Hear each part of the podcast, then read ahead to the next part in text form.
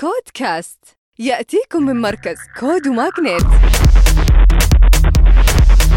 مع طارق الجاسر ونبدأ في نشرتنا الأسبوعية. مؤتمر الجوال العالمي MWC 2022 المقام في برشلونة شاركت فيه جهات سعودية كثيرة مثل Inspire U ووزارة الاتصالات تقنية المعلومات عن طريق مركز ريادة الأعمال الرقمية كود وأيضا منشآت ووزارة الثقافة ودعموا أيضا حضور لرواد أعمال مشاريعهم جدا رائعة وملفتة.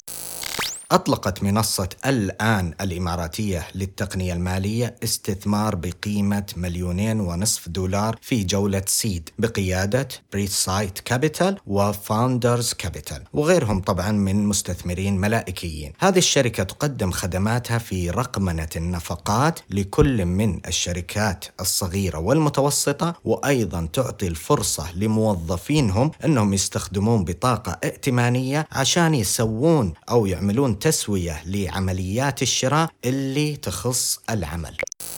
بريمور المنصة المتخصصة في التجارة الاجتماعية تستثمر 5 مليون دولار في جولتها التمويلية pre-seed في الشركة اللوجستية مايلز مور. وتعد أول شركة مصرية تقدم خدمات لوجستية تتضمن شحن وتخزين وتوصيل. تتميز أنها تقدم حلول تتناسب مع جميع أنواع الصناعات وأحجامها. Funding Souq السعودية تجمع تمويل seed بمبلغ مليونين ونصف دولار بدعم من أمل دخان وعمر الجريسي وغيرهم. طبعا Funding Souq هذه حلقة وصل بين المستثمرين والشركات. تربط المستثمرين بالشركات الصغيرة والمتوسطة اللي يستهدفون إقراض بمبالغ ما بين 20 ألف و 150 ألف دولار. كما أنها تعمل على سد الفجوة من ناحية التمويل لكل من هذه الشركات وبتدعم أكثر من 25 شركة. شركة ون أوردر المصرية تحصل على تمويل أولي لها بقيمة مليون دولار بقيادة شركة A15 والمنصة تقدم خدماتها اللوجستية للمطاعم المصرية وتلبي احتياجات المطاعم كاملة من أغذية ومشروبات في وقت محدد وتكلفة أقل.